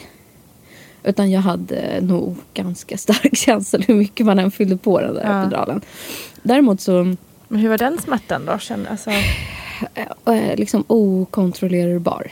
Eh, och, jag, det är svårt, jag försöker förklara för andra eh, att beskriva liksom den här smärtan för kompisar och sånt. Än när det är en smärta man inte upplever. Och jag upplever förlossningssmärta som två smärtor. Den ena som man känner igen. Och det är den här liksom aj, jag slog mig på smalbenet. Eller så här, jag har brutit handen eller bränt handen på plattan. Det är liksom igenkänningssmärtan. Och det är den på något sätt som en epidural eller eh, liksom lustgas går in och bryter. Liksom. Och det är den man också kanske kan hantera med andning och eh, liksom så. För det, det är den man känner till. Sen finns det en smärta nummer två som jag kallar för trycksmärtan. Och det är det okontrollerbara trycket som man egentligen inte har känt igen förut. Och jag kan bara jämföra den med att om man har varit riktigt eh, magsjuk oavsett om man ska kräkas eller om det är åt andra hållet så pulserar magen eller kroppen på ett sätt som du inte... Du kan ju inte stoppa att du ska kräkas till exempel. Och så här, nej jag väntar en liten stund. Utan här hulkar du ju liksom. Eller att det blir tryck bakåt eller uppåt på ett sätt som du inte kan stoppa. Och precis samma upplevde jag under förlossningen. Att det var ett tryck som pulserade som var okontrollerbart. Och det är den smärtan man inte kan visualisera. Eh, varken innan eller nu igen. Mm. Eller överhuvudtaget kontrollera. Utan det bara levde loppan. Den gjorde liksom som sagt epidural ingenting för mig. Men däremot så tog jag lite tog jag lustgas samtidigt. Ehm, och Hur var det? Men det trodde jag inte alls var min grej. Men vad fel jag hade. Ja. Men jag hade inte så mycket gas. Man kan ju välja hur mycket man vill ha i den. Liksom 30 procent, Ja, ja, just 50 det. eller 100 procent. Jag, hade aldrig, jag kände aldrig att jag behövde över mer än 50 procent i den. Däremot så var den som ett hjälp i mitt räknesystem då. att jag liksom kunde andas i masken och räkna exakt antal sekunder. Eh, och sen när jag skulle ta bort den, hur många sekunder den skulle vara borta. Så det var liksom ett system för mig. Av och på, av Mm. Så och var på. det för mig också måste jag säga. Att man liksom Ja. använder den för att liksom få någon form av kontroll Ja, i rummet. På något sätt. Exakt så. Ja. Sen insåg man ju dagen efter att man kanske inte alls hade haft någon kontroll. När man pratade så här lät det som att jag hade rökt 15 cigg. Va, varför då? Nej, men jag kanske har skrikit jättemycket i den här masken. Och varför har en stor bula på hela näsan? Jo, men det är för att jag har tryckt den här masken så himla hårt. liksom över näsbenet så jag var helt öm. Då insåg man att ah, vilken bra kontroll jag hade. med den där masken i rummet. Men, eh, men jag tyckte ändå den var eh, superbra. Och sen så var det så här, men mestadels liksom under hela min förlossning så satt jag med den där masken på en pilatesboll faktiskt. Jag trodde inte ens att, vadå, vad, alltså att pilatesbollen var ett hjälpmedel. Men för mig var det super, super skönt för att det blev som ett mottryck. Jag tyckte det var liksom läskigt så fort det var att det släppte mellan Ja, benen. ja, just det. Att det var öppet blås. Ja, liksom. exakt. Jag visste inte vad som kom ut. från, från vilket hål liksom.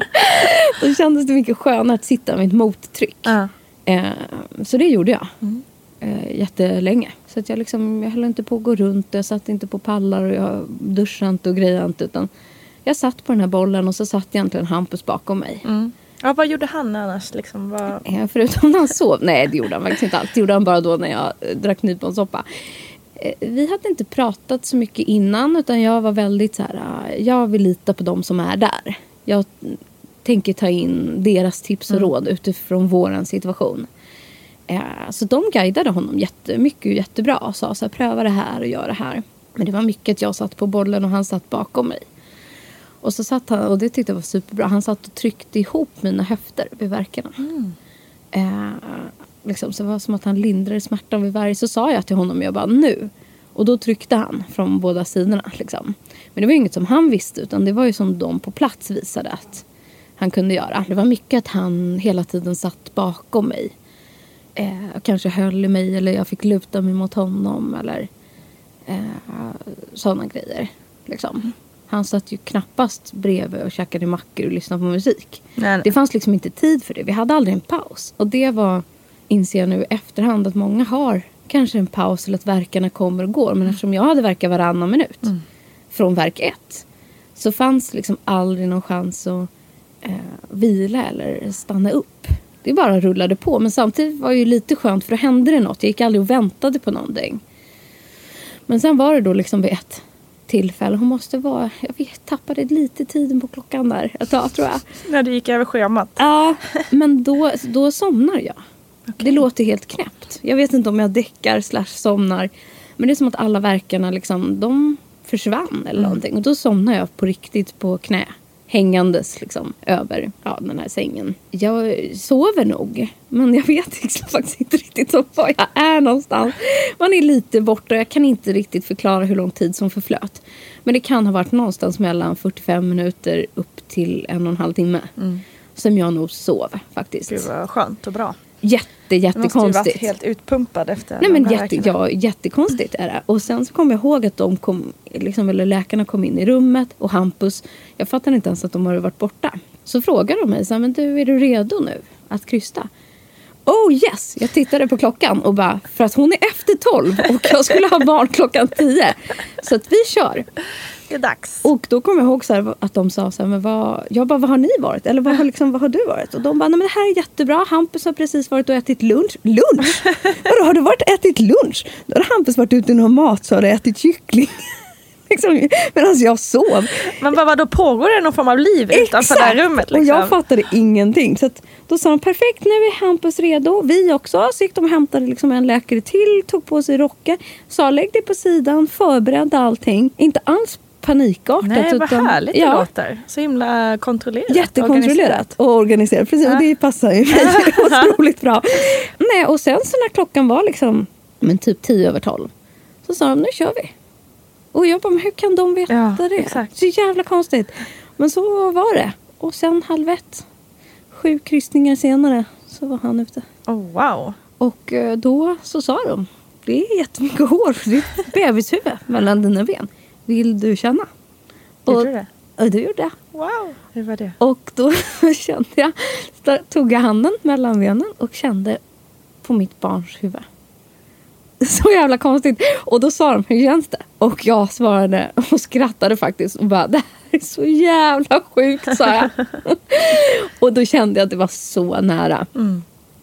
Och sen så sa de också så här att eh, nästa gång så kommer nog barnet. Vi, vi pillar ut barnet lite. Så det gjorde de, att de manuellt liksom plockar ut axlarna. Okej. Och Ja. tar undan liksom hinnorna eller vad man ska säga. Mm. Så att det trängsta partiet liksom kommer ut. Så de började liksom plocka ut honom liksom för hand. Långsamt, Det här långsamt. låter så härligt odramatiskt. Och Ja, men liksom... det var faktiskt inte så dramatiskt då i slutskedet. Utan just för att eh, det inte bara ska spricka så här tjoff. Liksom. Ja. Så, och de hade ju tid däremellan. Det kanske dröjde då två, tre minuter. Mm. Och sen nästa verk. Då kände jag liksom att nu, nu kommer ju barnet. Ja. Och så lyfter de upp honom och jag, vi visste ju inte vad det var. Och sen så, så jag vet inte, det är också sådana grejer som jag kommer nog fokusera på annorlunda den här gången. Men då, jag tänkte inte på om barnet var blått, jag tänkte inte på om det skrek, jag tänkte inte på någonting av de här grejerna. Utan jag tittade bara mellan benen. Vilket är jättekonstigt. Och jag skrek, men den har en snopp! och Hampus som då står snett nedanför mig, liksom egentligen framför min mage. Ja. Men hans ansikte är ju ändå 30 centimeter från snoppen. Jaha. Och han ropar, va? Har den? Mm. Så att det liksom... Det är fantastiskt. Ja. Och sen fick vi nog honom upp liksom ganska snabbt på bröstet. Men det som jag också var förvånad över var att han såg ut som en liten persika. Jag trodde att det skulle vara som på film, att de kom ut kletiga, blodiga, eh, liksom blå. Nils var inte det. Han var bara lite blöt, kommer jag ihåg. Han var lite blöt på munnen så här, och så Nej, men- lite blöt på huvudet. Men annars var hyn liksom helt slät. Han hade inget blod på sig. Liksom. Han var inget kla- kladdig. Utan han var bara Perfekt. Nej men så, ny, tänkte jag. Så, här. så inte alls som man har sett på bilder eller film.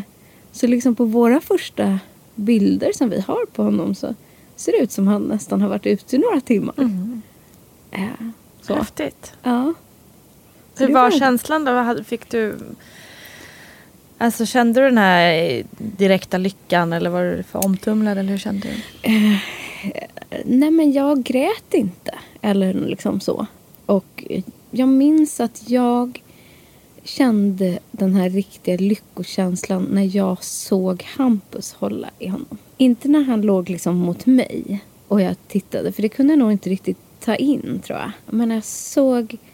Jag låg bredvid och han, liksom, han låg i Hampus knä och hade liksom en liten filt. Och, och, och Hampus satt och tittade på honom. Då kände jag lyckokänslan. Ehm, men sen tror jag... Jag, jag tror inte riktigt att man fattade vad man hade gått igenom. Alla pratar liksom om där eh, mackorna som kommer och Mm. drickat och så här. Jag, jag minns inte ens om jag åt min Nej, macka. samma jag var, här. Jag, Jag var liksom rätt, inte den. Nej, jag var rätt ointresserad av, ha den här mackan kan jag säga. Och sen skulle, liksom, så ville ju de ändå kolla, kolla en efter och att moderkakan skulle komma ut. Mm. Och, eh, jag fick sy ett par stygn och liksom alla sådana bitar. Men då, då var jag nog mer liksom lättad. Men jag, vet inte, jag var inte lättad över att Nils mådde bra eller att jag hade fått barn. Det var mer att det var slut. På något sätt. Jag kan, I hear that. jag kan liksom inte riktigt eh, tänka att allt det man har liksom förväntat sig hela den här situationen så var det liksom över. Men jag minns däremot att jag gick in i duschen efteråt. Ehm, och jag stod där inne, jag vet inte hur lång tid som förflöt, men kanske gick 40 minuter. Och det här har jag faktiskt aldrig pratat med Hampus om. Jag vet inte vad han gjorde däremellan. eller om han var med Nils. Eller du vet, vad som att jag brydde mig inte. Nej. Jag sket i vad alla andra gjorde. Jag var i min egen värld. Så kommer jag bara ihåg en barnmorska kom in flera gånger och frågade om jag var okej. Ja, just det. Men jag stod bara där Ja. och sa det här är den skönaste dusch jag någonsin har tagit. Mm. Och det är det fortfarande. Jag förstår ju de här som har varit liksom på Robinson i tio veckor och får ta sin första dusch. Ja. Det är kanske så nära jag kan komma det. Jag kommer ihåg så här varmvattnet och jag bara stod där och så jävla konstigt. Eh, Nej, men det är en fantastisk att alla känsla. andra pratar absolut. om mackorna. Jag pratar om Jag den håller- fantastiska duschen. Ja, jag håller med dig. Helt Ja. klart. Jag tyckte också det var... Man, bara, så här, man blir bara också så här, Ah, skölja av sig ja, men allt. exakt, allt, allt. liksom. Man blev ren och Ja. sen kunde jag liksom gå ut och så här, fokusera. Och, Mm. Men samtidigt är det liksom de där första dygnen på BB. Jag, jag minns ju men ändå inte. Jag vet bara att det var härliga sommardagar utanför fönstret. Det var liksom 25-30 grader varmt och vi låg där inne på vårt rum och vi tittade på serier på Hampus dator och slog den här lilla bebisen bredvid. Och, så konstigt. Hur var det att komma hem då, tyckte du? Men det var ju det jag hade varit rädd för. Mm. Alltså det var min största fear.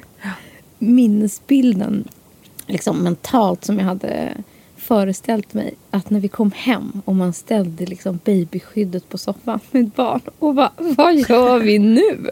Liksom, vem tar hand om det här barnet? Ehm, bara, men gud, det är ju jag!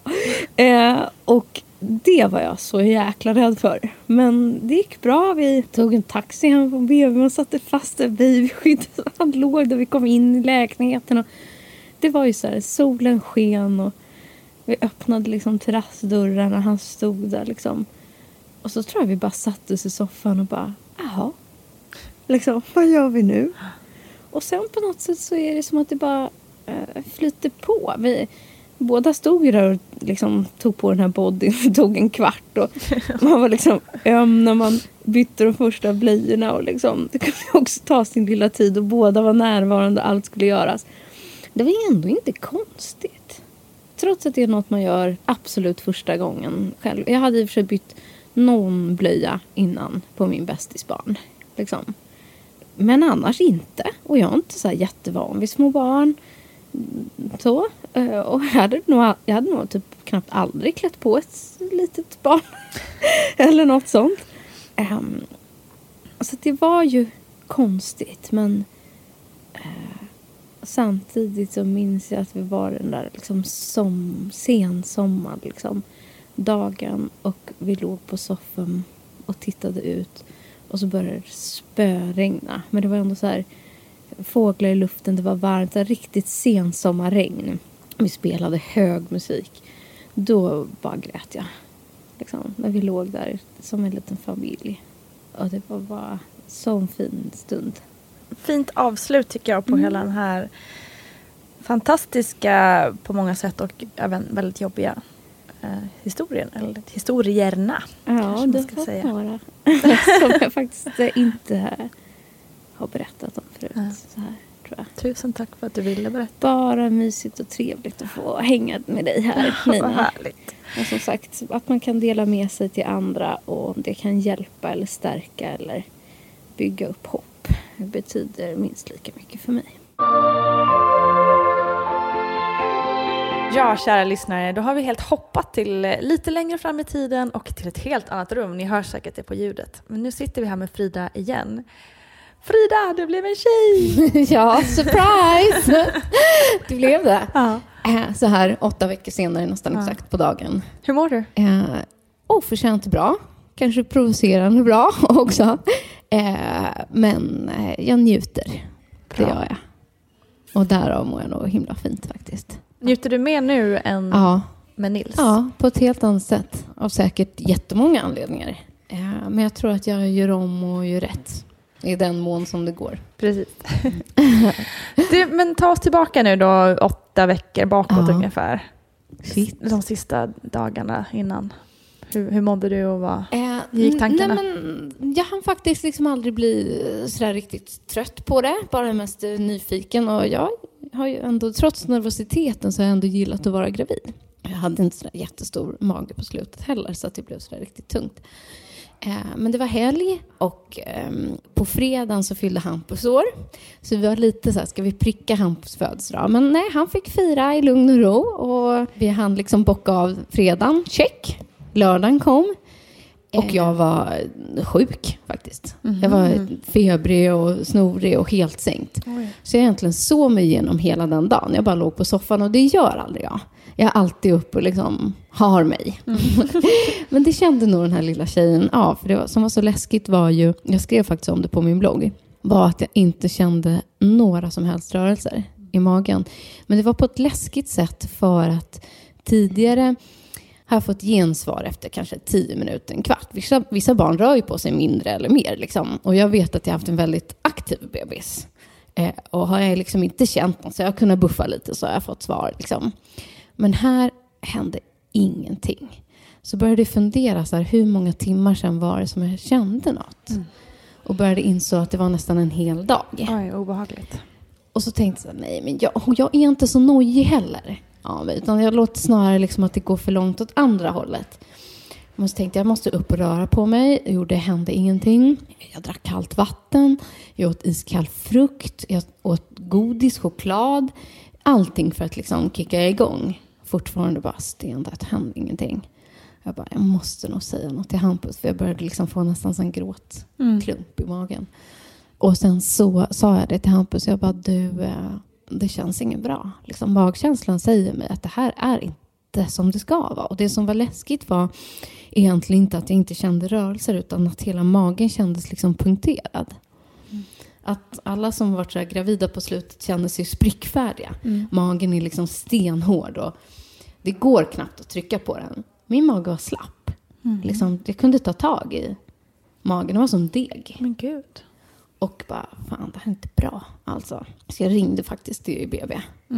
Eh, när det hade gått en liten stund till och så kom vi överens. Hampus bara, men ring. Så det ringde så mm, förklarade det för dem. Och de tog jätte liksom, allvarligt på situationen. Och sen så frågade de just liksom, den fällande kommentaren. Så är det ditt första eller ditt andra barn? Så är mitt andra. Och då bara, kom nu. Sa de. För då visste de att eh, jag visste hur det skulle kännas på något sätt. Så att eh, snabbt in. Eh, och de eh, började söka efter hjärtljud och så hittade de inga.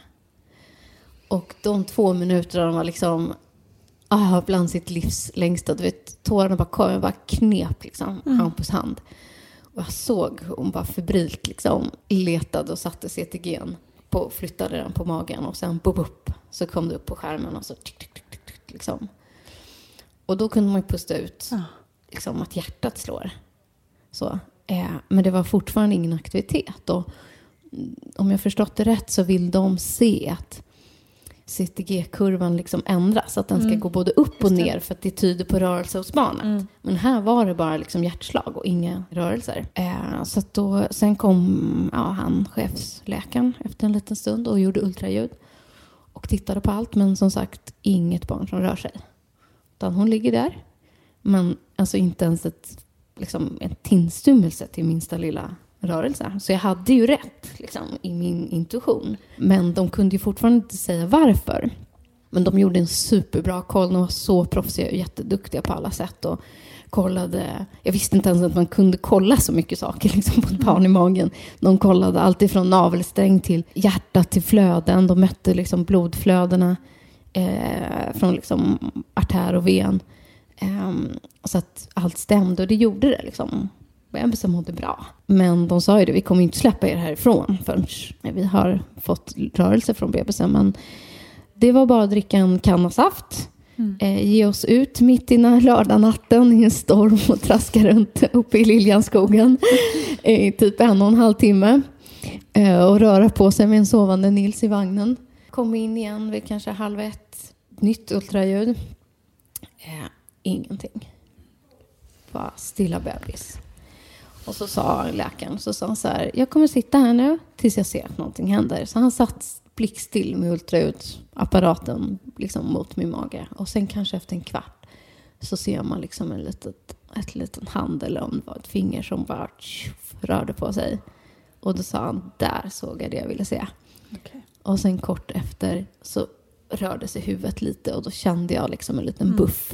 Hur kändes det? Nere i magen.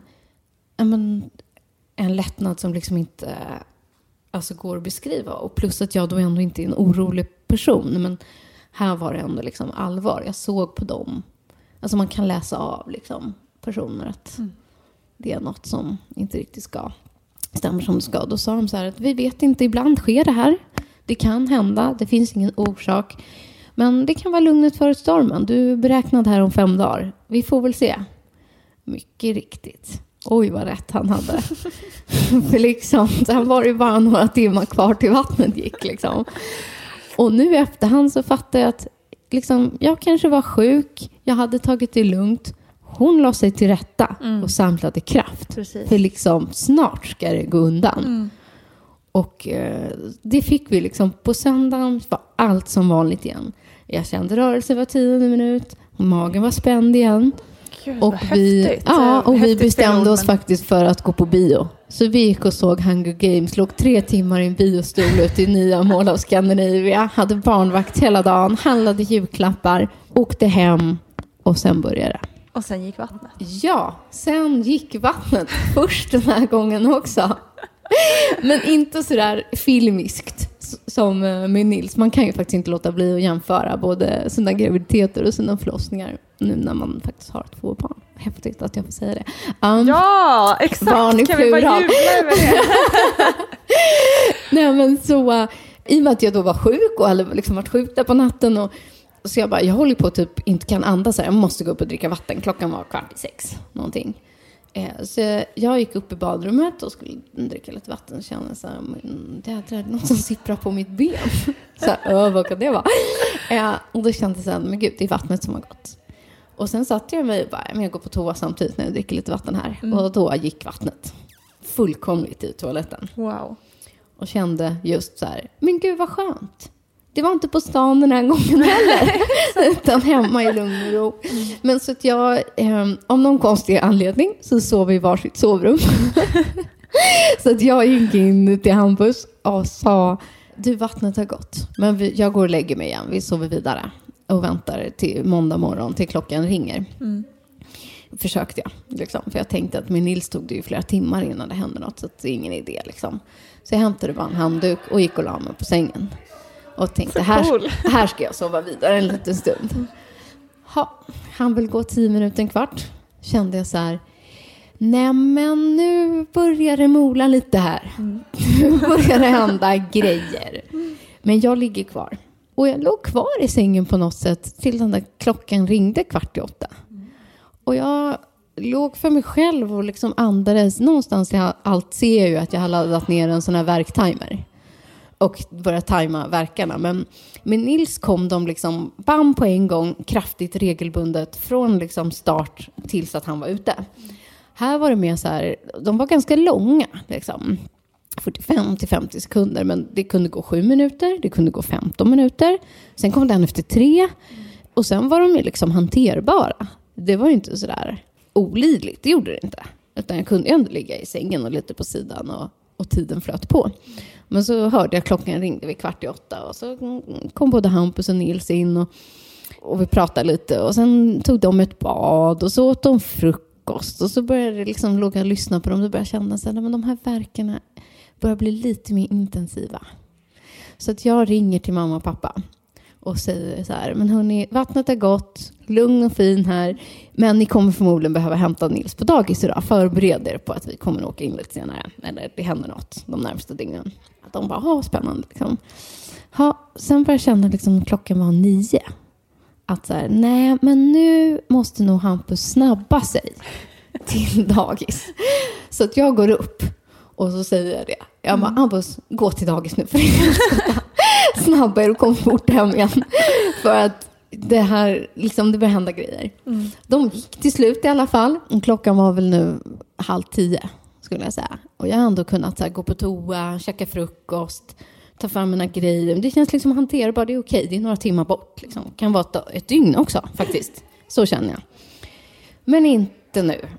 Nu får jag så ställa mig på alla fyra i hallen och ta liksom verkarna. Okej. Men det är ändå inte olidligt av någon Nej. konstig anledning. Men jag ringer i alla fall BB Mm. och säger så här. Eh, haft vattenomgång, det är kraftig verkare. De bara absolut, det är bara att komma in. Jag bara, ja, vi bor mitt över gatan så vi kommer, vi kommer om tio minuter. De bara, det är inga problem. Men mitt i alltihopa så hann jag också ringa till pappa och bara, du, det här med att jag tänkte gå till BB. För det hade jag faktiskt först på riktigt tänkt. Eh, det är inte så att du kan skjutsa, vi kan ju ta en taxi ett kvarter. Men det känns lite bättre om pappa Farman kör. Han bara, jajamensan, jag har bilen på gatan. Jag ställer mig utanför er. Eh, ska jag komma nu eller? Ja, gör det. Men Hampus är fortfarande på dagis. Okej. Så kom Hampus hem till slut i alla fall. Klockan är 20, kvart i tio kanske. Och eh, han eh, kommer in genom dörren och där står ju jag då. På alla fyra. Han bara, vad gör du? Ah, han bara, vad håller du på med? Och jag bara, nej men alltså, jag har ringt till BB, pappa står på gatan. Vi ska åka nu. Jag Va? föder barn här. Blir det bebis idag? Säger han bara. Och då säger jag, idag? Det blir alltså nu innan lunch. Han bara, ha? Jag bara rafsar ihop några kalsonger och en tandborste om det du ska ha. Han blir liksom, tror jag, jättestressad. För han springer runt i liksom ett par minuter och bara, ska han borsta tänderna, han packar ner lite frukostägg. Alltså det blir sådana knäppa saker som man gör för att man är egentligen jättenervös. Såklart. Förmodligen. Så att eh, vi tar våra grejer, eh, går ner och hoppar in i pappas bil. Solen skiner, det är måndag morgon, det är 8 plusgrader och det är den 7 december. Och eh, jag får tre kraftiga verkar i bilen på väg till BB. Men jag kan inte titta framåt och jag kan inte visa det här för min pappa. Så jag minns hur jag bara kniper ihop och bara tittar ut på någon annan nervös morgontrafikant bredvid liksom. Men väl inne, och det var ju så skönt för då hade ju vi liksom varit inne ett dygn innan så jag visste precis liksom vilken port, vilken våning. Och de bara hej hej, jag bara vi vet vad vi ska. Och så han vill liksom bara komma in, upp in till vårt rum, träffa barnmorskan och så hann jag få en verk till där. Och sen så mm, var det egentligen inte mycket mer med det, utan vi försökte börja prata, men verkarna fortsatte komma lite så här oregelbundet, liksom, så han ändå prata emellan. Liksom. Eh, men nu var klockan kvart över tio kanske. Eh, och Hampus gick faktiskt åt frukost. De bara, men du kan gå och äta frukosten så fortfarande framme. Det blir jättebra tycker jag. Så han vi prata och hon frågade lite hur jag hade tänkt med förlossningen och så här. Eh, och att jag hade tänkt att jag ville bada och jag ville ha lustgas och sen lite epidural och lite sånt som jag men liksom inte riktigt hann med med Nils den här gången. Hon bara, men vi börjar med att undersöka dig. Ja, men det låter som en bra idé. Så gjorde hon det. Hon bara, du, du är alltså 8 centimeter öppen och ska ha barn snart. Eh, uh, ursäkta, va? och då minns jag så hur jag, lo- alltså jag log för mig själv och Ja. kände, fy fan vad skönt. Mm. Så får man säga. Och tänkte så bara, yes, det är inte långt kvar. Nej. Jag grejer det, det här är en baggis, det här är toppen. Liksom. Det kändes som en sån push och en Ja, lättnad. Liksom. Hon bara, så jag Fan, tror att vi coolt. ska springa ut och hämta eh, Pontus, Rasmus, eh, Hampus eh, nu. jag bara, gör det. Eh, Hampus struntade i sina frukostägg. Så det var bara in med Hampus. Hon bara, du får välja. Antingen får du bada och lustgas, då är det det. Eller så kan vi chansa och du får försöka hinna sätta en epidural. Men troligtvis kommer du inte hinna göra det. Jag sa, skit i badet, epiduralen nu. Hon bara, är vi överens? Det är vi. Och snabbt som 17 så var liksom på 3-4 minuter var läkaren där, allt var klart och så sa hon bara, ja, det här går så undan så att jag vill bara att du ska förbereda dig för att epiduralen kanske inte hinner kicka in. Ja, och då är det som det är.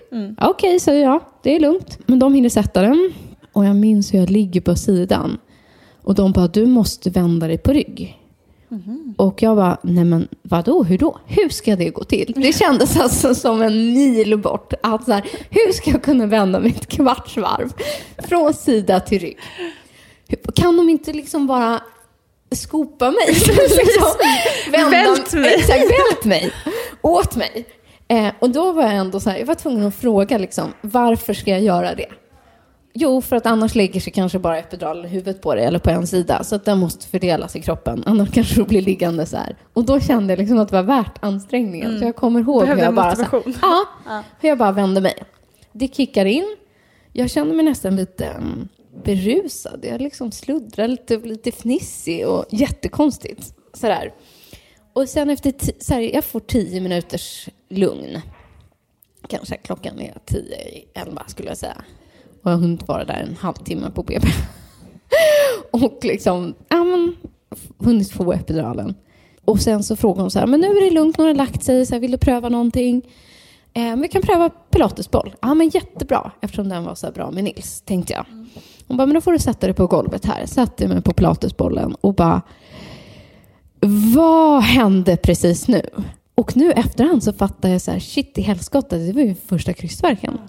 Jag bara... Äh, Hon bara, var det en krystvärk? Vad var det? Vad händer? Jag bara, jag vet inte. Hon bara, du måste upp i sängen igen.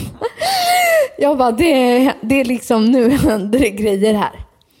Ha, upp i sängen. Hon bara, ställ Hampus liksom upp över huvudet. Hon bara, är du fine med liksom, hur vill du föda? Hon bara, vi hinner inte prata om det nu. Du får stå på knä här. Ha, kom en krystverk, kom ett huvud, kom två krystverkar och så kom det en liten skrikande flicka. Ja. Så att, eh, ja, han var på BP i exakt 50 minuter. jag hann ta en epidural men inget, ingen annan. Jag hann inte pröva något, jag hann inte göra någonting. Jag hann bara sätta mig på knä i sängen på två krystverkar och så födde jag barn. Som är helt stört. Och ibland kan det liksom gå fort och fel. Här gick det fort och rätt. Och många säger liksom att det kan gå fort med tvåa, men jag vill inte riktigt tro det. Och, och jag hade ju liksom, från det att vattnet gick tills att hon var ute så gick det ju liksom fyra, inte ens fem timmar. Och jag upplevde liksom aldrig att jag ens hann ha vidriga kryst, eller liksom verkar. Men det är ju så coolt att du var närvarande i allting. Ja, liksom. och det var ju det som var så fint med hela den här upplevelsen att när du har hållit på i 16-17 timmar så blir man ganska trött. Om man inte har lustgas så blir man ju liksom lite frånvarande på ett helt annat sätt. Här var kommunikationen mellan mig och barnmorskan perfekt. Liksom. Och samma med det här med att epiduralen kickade in precis på slutet när jag behövde den. Inte på fyra centimeter öppen och sen verkade den inte mer Nej, som det var lite första gången. Att den här tajmade den exakt. Eh, så att den hjälpte jättemycket. Jag var jätte liksom, närvarande och det som jag tror jag tyckte var häftigast av allt var ju liksom att den här gången stod ju jag liksom på knä. Och hon kom ju rakt nedanför mig, rakt ner. Så att jag var ju den första personen som såg henne. Alltså jag kanske låter skitäckligt och konstigt men det var ju, jag tog ju emot henne. Liksom. Så, och bara så här stod på knä och tittade. Och, ja, och förra gången var det så mycket så här, åh vad är det för kön och vad händer? Och du, du vet så här, nu var jag mycket mer um, närvarande. Att, så här, skriker hon ser bra ut? Liksom, eh, allt var liksom jättefint och det var ett lugn i rummet. Det var bara vi och liksom barnmorskan och en som assisterade henne. Och på en gång så fort hon kom ut så backade de liksom undan lite. Och jag fick bara sitta och titta. Och det dröjde ganska länge innan, flera liksom minuter innan vi gjorde någonting. Liksom. Vad härligt. Ja, och även tiden efter. Det var liksom ingen stress och ingen brådska utan de la liksom upp henne på mitt bröst och navelsträng och allt var liksom kvar ganska länge. Tills jag började fråga. Alltså, vad gör vi med den här liksom?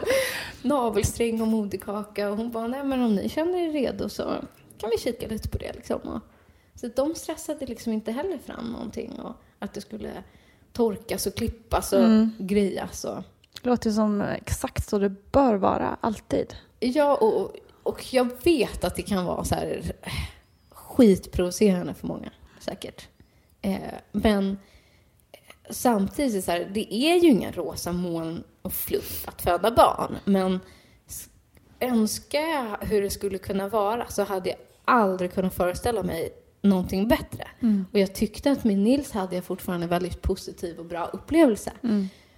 Men det här var ju liksom, jag kommer minnas allt i detalj. Du ser så lycklig ut när du berättar om det, det bara bubblar. Ja, det är helt fantastiskt så- att ja. se. Nej, nu börjar jag nästan gråta också. Ja. Nej, men det var så sjukt fint. Mm. Och just att vara väldigt närvarande och personalen var fantastisk. Otroligt lyhörd och och jag, men jag vet inte, jag hade sagt till mig själv att bara suga in den här situationen. Och jag gjorde det. Och nu har jag det med mig för resten av mitt liv. Liksom. Mm. Och sen, Jävla härligt. Ja, och sen just det, allt liksom gick så bra efter. Allt som jag liksom förra gången inte noterade gjorde jag den här gången. Liksom. Allt ifrån att nu smakade de där smörgåsarna gott. liksom. De gjorde det egentligen. Ja, nu så här, för att jag liksom jag njöt och hon var, liksom var där och världens friskaste lilla tjej som mådde jättebra. Och jag tog den där liksom härliga duschen men eh, ja, vi var samlade som en liten familj. Allt kändes bara komplett och jättenaturligt. Och Då gick vi ner på vårt rum och så låg både jag och Hampus liksom låg där och så hon och bara Jaha, men vad gör vi nu? Nu vill man ju liksom gå hem. Jättekonstigt. För, förra gången så var det tryggt med BB. Nu kändes liksom hem tryggt. Vi bara, men vi kan ju inte knalla hem nu. Så här tre gå över gatan. efter. Ja, exakt. Ska vi gå hem nu mitt över gatan? Men så, så bara, nej vi ska faktiskt passa på att njuta här det här första dygnet. Men så ringde vi ändå mamma och pappa och de skulle hämta Nils på dagis. Och sen kom de faktiskt med honom. Och det var inte alls som vi hade tänkt. Vi bara, vi ska inte ha något besök och det får dröja. Och, men eh, ja, fyra timmar senare fick han träffa sin lilla syster och hålla i henne för första gången. Och det var jättefint. Liksom, jag har aldrig sett liksom den vi filmade. Alltså den här blicken hos Nils. Liksom, att spänningen att han nu skulle få, få träffa henne och så fick han hålla. Och, och just att vi var så coola i det känns också bra. Att vi ville liksom dela med oss. Att vi inte ville så stänga in oss på rummet utan att han var där. Eh, Och det kändes liksom jättebra. Sen gick vi upp igen på vårt rum och det var en, en måndagkväll. Så här, jättekonstigt liksom. Och bara, "Ha, nu är vi här med den här. Och gud vad lugnt det är här. Det är ingen som frågar om vi ska leka Play-Doh. Eller hjälpa här och mamma där och titta där. Nej, så att vi bara tog det lugnt till nästa morgon tills vi fick träffa barnläkaren som sa att allt var bra och, och att hon mådde bra, att allt liksom funkar som det ska. Och, nej, och jag mådde ju också så himla bra, men det är ju det när det liksom, när man inte tänkte jag säga, går sönder och eh, förlossningen går fort så blir man inte utmattad och liksom, liksom, man får en bra start på en gång. Och sen lever man ju såklart på så adrenalin och den här kicken och hormonet liksom. Men så Hampus gick hem och hämtade vagnen. Och sen så packade vi ner henne i den och sen promenerade vi hem från BB. Det är så coolt. Så konstigt.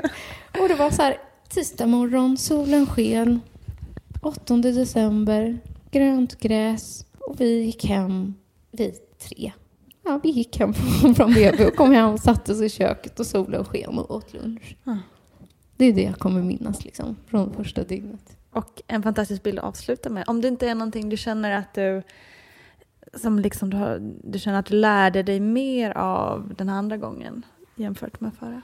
Nej, mer än att så här, det blir ju aldrig som man har tänkt sig. Det går liksom inte att föreställa sig, oavsett tror jag, hur många gånger man än har fött barn. Men det blir oftast bra ändå. Att så här, lita på sina instinkter, att liksom känna sig trygg med de man har runt omkring sig. Och trots hur jobbigt det än är i stunden, att försöka stanna där en liten stund och bara minnas och suga in. Eh, För att liksom smärtan och det förtränger sinnet med tiden, oavsett. Men då har man kanske de här små, små detaljerna och små stunderna kvar liksom, som minnen för livet. Så det tycker jag man ska tänka på. Och nu hör jag någon som gnyr lite här Ja, det är så mysigt att höra henne i bakgrunden. Det lilla miraklet. Ja, för det är det. ja, det Alla barn är det faktiskt. Ja. Tack kära Frida. Nej, men tack Nina för att jag fick komma tillbaka och eh, berätta min andra historia om hur vattnet går. Tusen, tusen tack kära Frida Farman för att du ville dela med dig av din otroliga historia. Som sagt, jag är verkligen full av beundran och jag är ganska säker på att jag har lyssnarna med mig på det. Tack kära ni som lyssnar också och tack Gudrun Abascal för all vägledning. Nu hörni så kommer Vattnet går att ta en liten paus. Men förhoppningsvis är podden tillbaka fortare än du kan ana. Och tills dess så finns det också massor av äldre avsnitt som ni kan upptäcka om ni ännu inte har gjort det. Ja, jag vill verkligen tacka alla er som lyssnar och delar och berättar om podden. Ni är faktiskt helt, helt fantastiska. Så massor av kärlek till er alla så hörs vi säkert i någon form alldeles, alldeles snart. Håll gärna utkik på Instagram. En stor, stor kram! Producerat av Perfect Day Media. Ever catch yourself eating the same flavorless dinner three days in a row? Dreaming of something better? Well, HelloFresh is your guilt-free dream come true, baby. It's me, Kiki Palmer. Let's wake up those taste buds with hot, juicy pecan-crusted chicken or garlic butter shrimp scampi. Mm. Hello Fresh. Stop dreaming of all the delicious possibilities and dig in at HelloFresh.com. Let's get this dinner party started. Hi, this is Paige from Giggly Squad, and I want to talk to you about Splash Refresher and my water intake. Okay, so you guys obviously know that I'm a hydrated girly, but sometimes when you drink that much water, it starts to just taste bland, and you're just like, I need something to spice it up. That's why I love Splash Refresher. It has zero sugar, zero calories, and it's a splash of sweetness. And they come in five different flavors. They're so good. Wild berry, acai grape, pineapple mango, lemon and mandarin orange. My favorite is the wild berry because I just I just love a berry. So if you're like me and you're drinking water all day, then try Splash Refresher. It's going to absolutely change your water game and it's good for you. Imagine the softest sheets you've ever felt. Now imagine them getting even softer over time. That's what you'll feel with Bowl and Branch's organic cotton sheets. In a recent customer survey, 96% replied that Bowl and Branch sheets get softer with every wash. Start getting your best night's sleep in these sheets that get softer and softer for years to come. Try their sheets with a 30-night guarantee. Plus, get 15% off your first order at bowlandbranch.com. Code BUTTERY. Exclusions apply. See site for details. ACAST powers the world's best podcasts. Here's a show that we recommend. The Real Housewives is a guilty pleasure for most, but if you're looking to not feel guilty about that pleasure, tune in to Everything Iconic with me, Danny Pellegrino, where I break down all the messy moments and behind the scenes antics of Bravo's popular franchise. And on Everything Iconic, I also interview celebrity guests like Kelly Ripa, Kiki Palmer, Drew Barrymore, Cameron Diaz, and more about their guilty pleasures, their past work, and so much more. So if you're pop culture obsessed and find yourself watching way too much reality TV like me, tune in to Everything Iconic with Danny Pellegrino wherever you listen to podcasts. ACAST helps creators launch, grow, and monetize their podcasts everywhere. ACAST.com.